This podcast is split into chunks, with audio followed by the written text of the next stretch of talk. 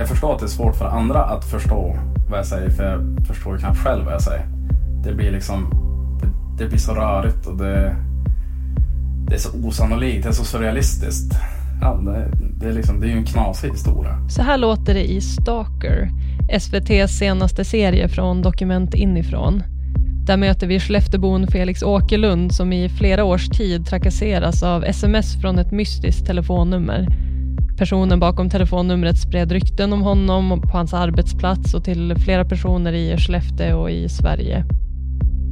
Efter att dokumentären publicerats på SVT Play och i linjär TV har avsnitten väckt starka reaktioner, inte minst i Skellefteåområdet. I veckans avsnitt av Studio Norran pratar vi om Stalker. Jag som programledare heter Tinnika Häggström och i avsnittet gästas jag av mina kollegor Ingela Lekvalk, Hans Berggren och Karin Israelsson som medverkar på länk.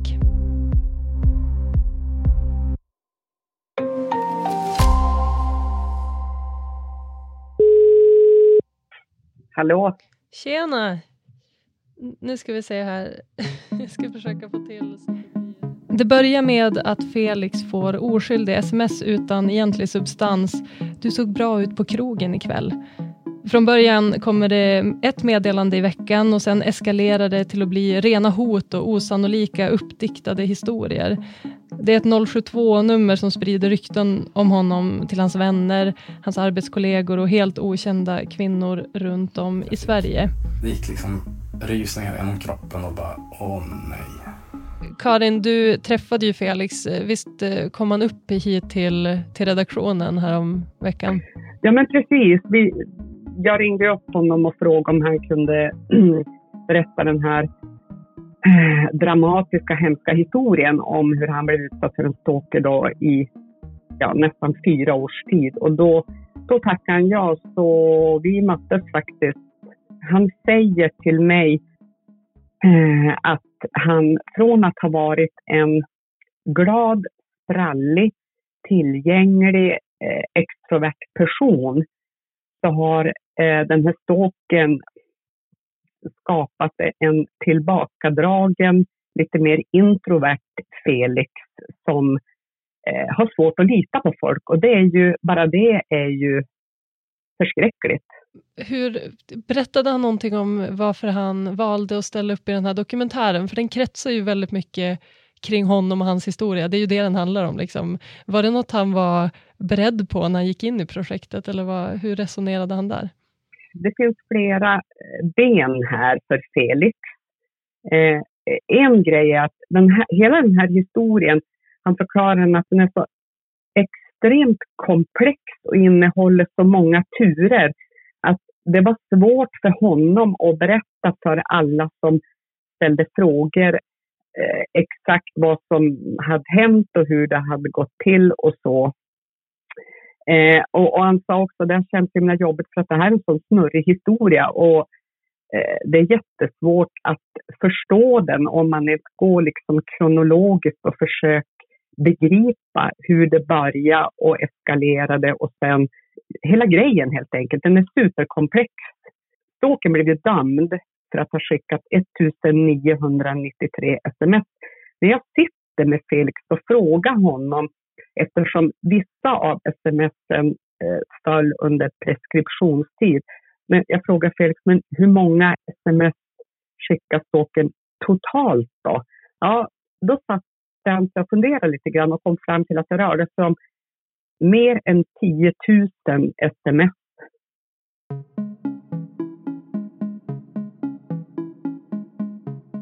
Den, en av de viktigaste frågorna som jag ställde, det var frågan hur var det att bo i Skellefteå under tiden som det här pågick? Det, alltså, det, det handlar ju om förtal och en gigantisk smutskastningskampanj mot honom som person. Och då säger han till mig att han sov inte, han drog sig undan, han var trött och förstörd på dagarna och under en period så tyckte han det var tufft att överhuvudtaget existera. Och det är väl en av de viktigaste frågorna. Ja, men det har varit jättejobbigt att se hur, ja, men, hur mamma och pappa har ja, egentligen reagerat på det här och hur, hur jobbigt de har tyckt det har varit. Eh, men framförallt så tycker jag att det har varit värst att se min eh, lilla syster faktiskt. Hur dåligt hon har eh, Amat. Du berättar ju att Felix har blivit en mer tillbakadragen person och sådär. Hur har hans eh, omgivning påverkats av eh, Felix stalker? Liksom hur, hans familj och hans vänner? Ja, det har skadat. Det har sårat. Det har gjort ont. Och det har naturligtvis orsakat stor oro. Eh, men sen säger han också att hans nuvarande fru då, som han träffade under eh, den här när stalkingen, eh, stalkingen pågick har varit hans eh, största stöd. Alltså det var ju hon som, som mejlade liksom vad det handlade om och, och var de här eh, smsen kom ifrån. Så hon har varit eh, vändpunkten i historien, säger han till mig.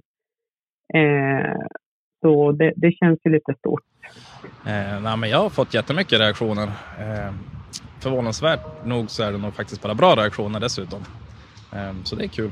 Det som notabelt också att när jag gick iväg med Felix, när jag skulle göra intervjun, gick vi iväg en bit för jag ville ta lite bilder på ett ställe.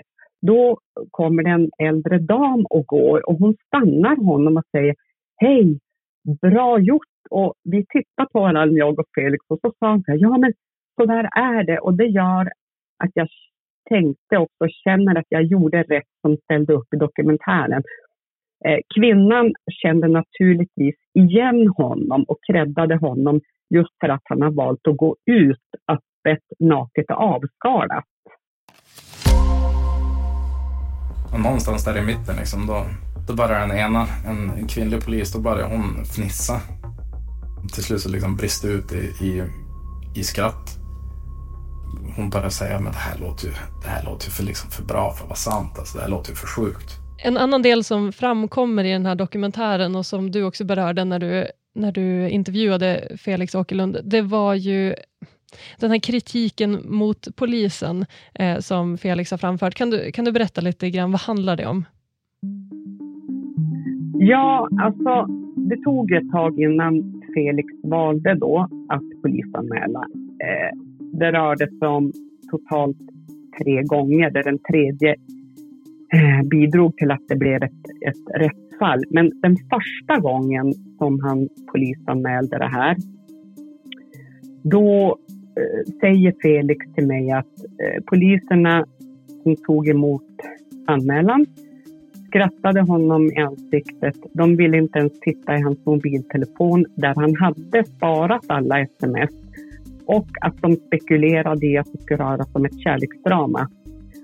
Och eh, det, det känns helt väsensskilt från, från hur man ska bli bemött vid en polisanmälan, vilket vår lokalpolisområdeschef Lars Westermark också bekräftar när jag ställer frågan till honom. Han säger till mig att det är helt oacceptabelt. Ja, det är det. Och det är ju bara förnamnet. Jag vet inte hur många gånger jag som journalist har fått till mig av olika poliser på olika nivåer hur viktigt det är att man alltid ska polisanmäla brott. Men då undrar jag, vilka signaler ett sånt här beteende sänder till andra medborgare som funderar på om de ska göra en, en brottsanmälan. Och Lars Westermark säger till mig då på den frågan att vi ska vara professionella och det är klart att man ska polisanmäla brott.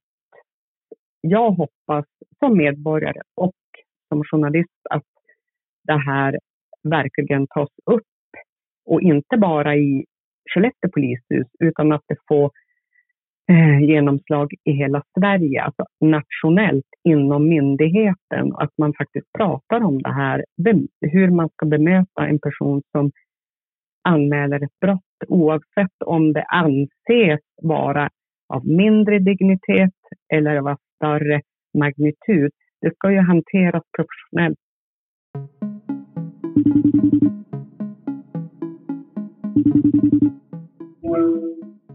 Västermark. Lars Westermark är polisområdeschef i Skellefteå. Om man säger så här, det är ju alltid olyckligt om någon, är, någon ska gå in till en polisstation och är ja, missnöjd, liksom känner sig ifrågasatt eller i alla fall förlöjligad någonstans. Det är ju allvarligt. eh, självklart. Det, om det nu så att fallet har varit så, så får vi liksom bara lägga sig platt och ta något som har gått fel på bemötande situationen. Eh, därför kan jag säga att jag känner inte riktigt igen mig att det på något sätt vi, vi uppfattas som poliser. Eh, min bestämda uppfattning och det jag ser är att försöker möta människor som kommer in då, i egenskap av brottsoffer och hjälpa dem. Och personal som jag ansvarar för, som jag känner dem, så brinner de väldigt mycket för att hjälpa till. De vill ju klara upp brotten och ställa, och ställa saker och ting till rätta i den mån man kan göra för en som har drabbats av brott. Skulle en sån här eh, situation, skulle det kunna klassas som ett tjänstefel? Ja, det är inte min bedömning att det är så. Det är omhändertaget utifrån det här med anmälningar och det har ju rättslig process har ju varit och det har ju det kommit en dom i ärendet också. Därför kan ju saker vara olämpliga på något sätt. Eh, men jag har svårt att tro att någon gör något med vett och vilja. Men att man skulle ha skrattat åt något. Eh, jag har svårt att tro att det ska vara den som är drabbad av brott. Det kan vara någonting annat. Eh, det som jag tror det kan ha varit. Men det är djupt olyckligt vill jag säga. Hur kan en sån här händelse påverka medborgares och invånarnas förtroende för polisen, tänker du? Det kan ju självklart ha, kan det, kan relationen skadas när det sker sådana här saker. Eh, det förstår jag. Eh, och det som jag säger, det är djupt olyckligt om det uppfattas på det här sättet. Sen vet inte jag exakt vad som har skett där heller. Och som jag sa tidigare, att eh, jag blir förvånad att det skulle vara något som skulle vara återkommande med någonting. Antingen är det en, en olycklig omständighet som liksom, ja, är väldigt beklaglig för att man kommer in och ska anmäla brott i det här fallet. Det är liksom bara säga det. Ja, det får vi be om ursäkt för.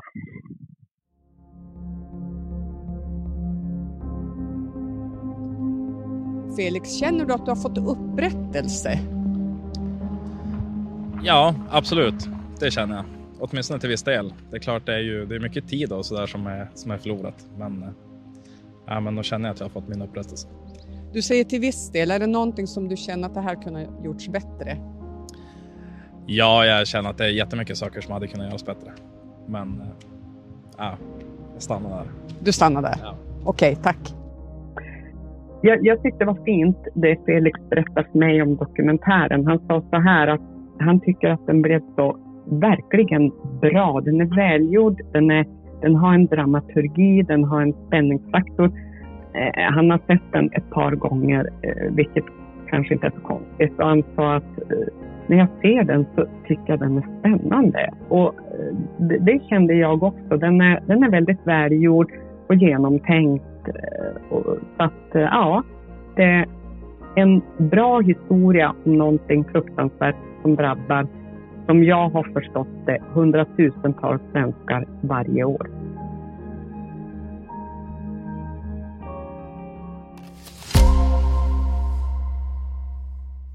Den här dokumentären Stalker som går på SVT, finns på SVT Play, eh, är det Johannes Hallbom som ligger bakom.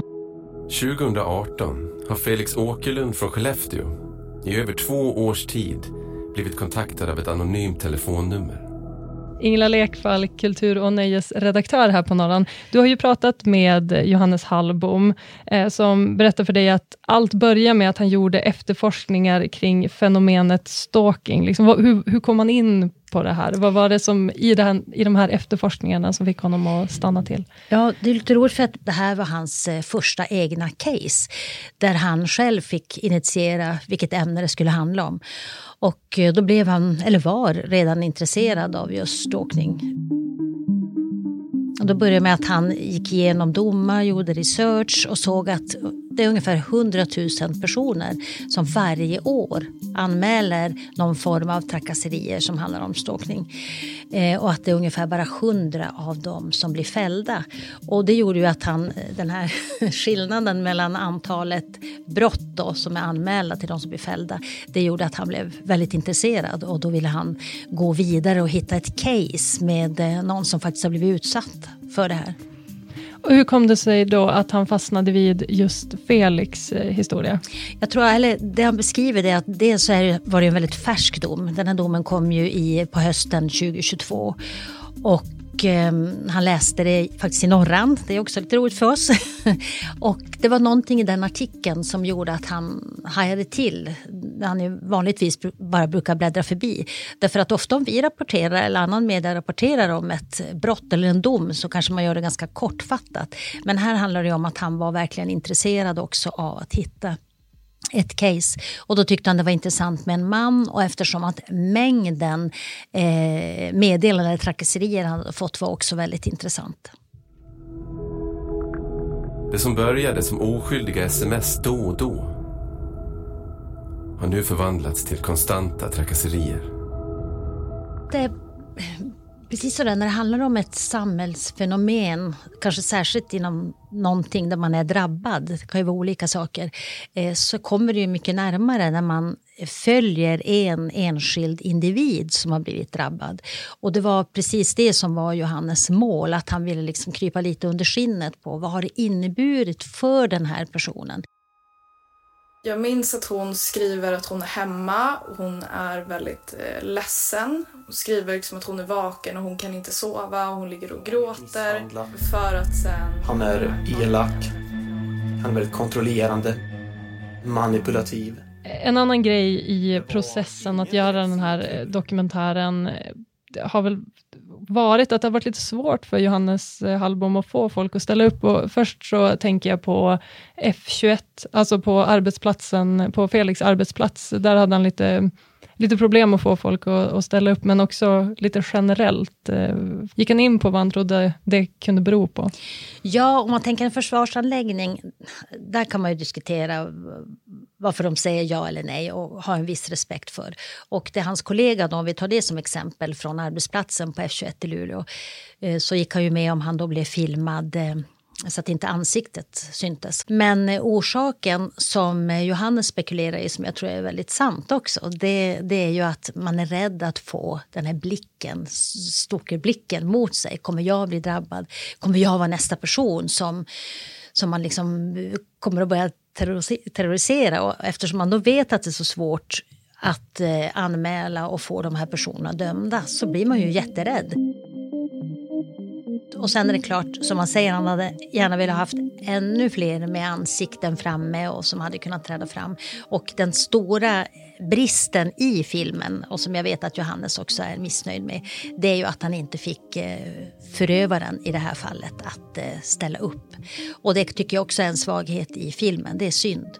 Men ibland så har man någonting som är så viktigt att berätta så att man inte alltid kan ta hänsyn till det. Och hon har ju ändå svarat honom skriftligt och avböjt och dessutom skickat med att hon inte vill bli kontaktad igen. Ta reda på, för det har, nu har det börjat ringa dolt nummer till både mig och Nina. Är det sant? Det sista som händer i dokumentären är ju att eh, vi lämnas lite grann med en cliffhanger. Du har ju pratat med, med Johannes Albom. Fortsätter han jobba med det här? Kommer det en uppföljning? Vad händer? Han kommer inte att göra en uppföljning i närtid. Sen vet man ju inte hur det här utvecklas. Precis som dokumentärfilmaren Johannes Hallbom har ju vi naturligtvis också hört av oss till personen som dömdes för trakasserierna mot Felix. Hon har i ett tidigare skede valt att inte medverka eh, och i samband med den här poddinspelningen så har hon inte svarat oss. Då välkomnar jag Hans Berggren till studion. Hans, du är krimreporter på Norran och har varit det ja, i drygt 20 eh, år. Välkommen hit. Tack så mycket. Du, Felix Åkerlunds fall är ju inte det enda stalkingärende som Norran har berättat om genom åren. Vilka andra stalkingfall kan du dra dig till minnes?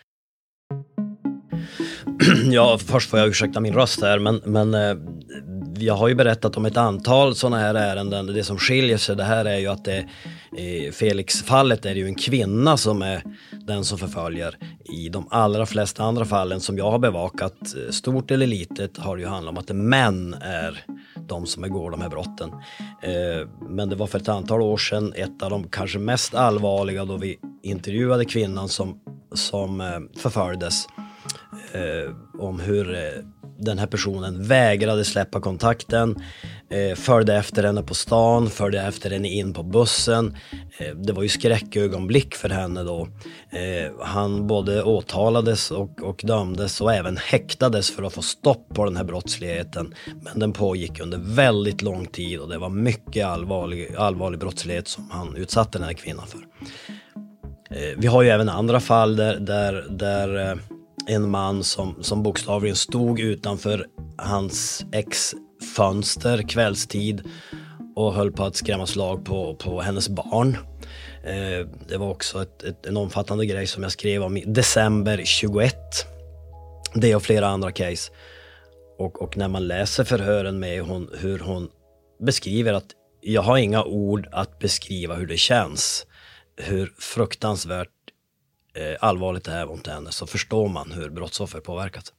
Just det, du var inne på det lite grann eh, med att det, eh, det, är oftast, det är oftast männen som är förövarna i det här fallet och att i, i det här fallet som har uppmärksammats av SVT nu så handlar det om en kvinna. Det, det sticker ut. Är det något annat som, som du har reagerat på som är ovanligt här? Ja, alltså, jag kan inte detalj. Jag skrev ju om det i samband med det kom. Jag skrev inte om domen för då var jag julledig. Men, men eh, det som sticker ut är ju den enorma mängden av meddelanden och sånt som skickas. Och även grovheten och hoten och, och, och det där som är väldigt allvarligt. Det finns ju andra eh, eh, förföljare som gör precis tvärtom. Jag vill ha tillbaka dig, du är det bästa som vet och lindar in sitt offer i kärleksfulla meningar. Jag skulle aldrig göra dig något illa. Eh, vilket ju kan vara nog så kusligt därför att den här kvinnan som det oftast är då, offret, har ju sagt att jag vill inte ha någonting mer med dig att göra. Ändå fortsätter det här. Och det är ju en mental terror, det är vad det handlar om. I samband med tidigare publiceringar om stalking så har ju du även gått in på mekanismerna bakom fenomenet. Bland annat i ett avsnitt av Norrans gamla tv-satsning Brottsplats där psykologen Anders Wahlberg och polisen Anna Grönros medverkade. Välkomna till Brottsplats. Kvällens program ska handla om olaga förföljelse, det som också brukar kallas för stalkning. Eh, vad säger du Hans, eh, mekanismerna bakom stalking, vad, vad, säger experterna som du har pratat med? Ja, alltså det här är ju dels då handlar det om personer som vägrar släppa greppet. Det handlar om personer som helt enkelt inte förstår den skada man gör mot brottsoffret. Och det kan bero av beror på olika orsaker. En, en stalkare som, som gör, är lite olika. Psykologen Anders Wahlberg. Det finns ju de som stalkar bara för att de är kära i någon och tror att de ska få en besvarad kärlek. Det finns de som kanske är vanligast, de som stalkar arbetskamrater eller tidigare relationer som eh, gör det för att i hämnd, revansch och kanske också att kunna få tillbaka dem.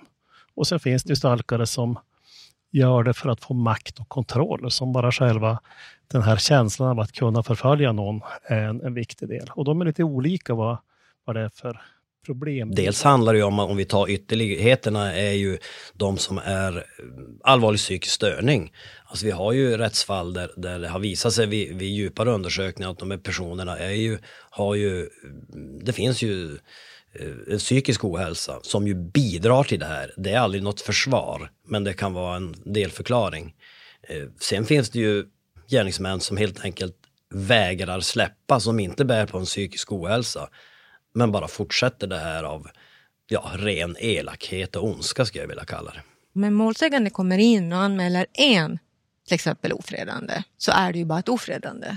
Anna Grönros vid polisen om man vid tillfälle berättar då att ja, det har hänt jättemånga gånger och så slog han mig en gång och allt sådant. Då kan ju man förstå att det är olaga förföljelse. Och då kan det rubriceras som det. Vad, säger, vad ska man göra om man drabbas av det här? Ja, själva problemet med det här är ju att få en förföljare att sluta. Det är ju själva brottet, att förföljaren inte slutar. Det fortsätter. Eh, men det finns ju ett antal råd som vi har berättat om i Norran tidigare och, och jag kan eh, sammanfatta en del. Det är ju att det kanske viktigaste det är att ha noll kontakt. Man är helt klar med att man inte vill ha den här relationen och att man kommunicerar den tydligt. Och i början tydligt och bestämt och vänligt. Men ganska snabbt så behöver man inte vara vänlig. Och om det ändå inte går fram, och det gör det ju inte med stalkers, ska man sluta kommunicera. Om man har sagt till en person att eh, nu avbryter vi det här. Om, om eh, smsen, samtalen, mejlen fortsätter att inte svara. För att några av de här rättsfallen har ju visat sig att när, när då offret ändå sagt varje gång jag svarat snälla sluta så är det fortfarande det sista halmstrået som förföljaren tar i. Hon svarar i alla fall. Därför fortsätter jag. Hon har inte helt gett upp. Jag kan försöka påverka henne. Så att ha noll kontakt, men samtidigt handlar det om att byta telefonnummer, att inte, eh, som jag nämnde, svara, men spara. Inte svara, men spara all dokumentation. Och självklart att så snabbt som möjligt kontakta polisen. Även om, om det finns case där då polisen inte har, har agerat fullt ut som man kunde hoppas på så, så gäller det att polisanmäla. Man får inte liksom gå på att det inte gick bra för något, någon annan. Därför polisanmäler inte jag. Man får inte tänka så. Det är lätt att säga, men man får inte tänka så, utan polisanmäl. Men, men överhuvudtaget så, anmälan, polis, släktingar, goda vänner, att informera. För, för stalkaren vill inte att andra ska se knepigt på den här personen. Så därför är det bra att, att berätta och det är därför man är bra att använda sig av polisen också. För att då, då, då blir det här officiellt på ett annat sätt. Det blir ingenting mellan dig och mig som offer och stalkare. Hur eh, reflekterar du över eh, ja, men de rättsliga påföljderna när det kommer till, till stalking? Ja, det är ju alltid lätt att gnälla på domstolarna när man, när man eh, delar ut straff och påföljder och sånt där. Men det är faktiskt våra politiker som beslutar om det. När jag har läst och följt med alla de här rättsfallen så är det direkt upprörande ibland hur man kan kring det allmänna rättsmedvetandet att påföljderna är så låga. Eh, grov misshandel, det börjar på ett och ett halvt års fängelse.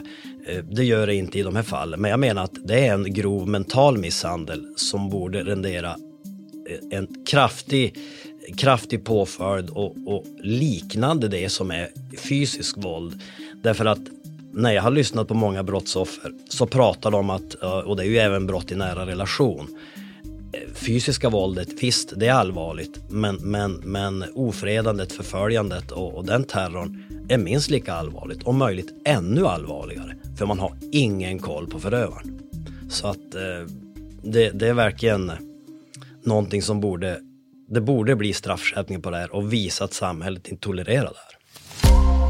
Hans, som sagt, du har varit krimreporter i drygt 20 år. Du får ju liksom varje dag en, en daglig skörd från tingsrätten, där det kan eh, vara allt från domar till åtal och, och så vidare. Hur ofta stöter du på sådana här åtal och domar som handlar om stalking? Är det vanligt? Det här går ju i skov, det var därför jag gjorde den här större grejen julen 21, för då var det flera män som hade förföljt kvinnor på olika sätt och jag ville liksom samla och berätta mer större. Eh, det här är ju tack och lov någonting som inte eh, ofta kommer in till tingsrätten med åtal, rättegångar och domar. Det behöver inte betyda att det inte förekommer.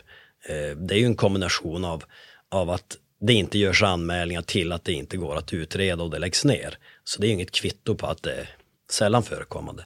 Men, men det förekommer ju då och då eh, kring det här. Men, men jag vill säga att det, det går lite grann i skov och, och eh, det finns ju ingen koppling till varför de här grejerna just där och då händer. Tack så mycket Hans Berggren.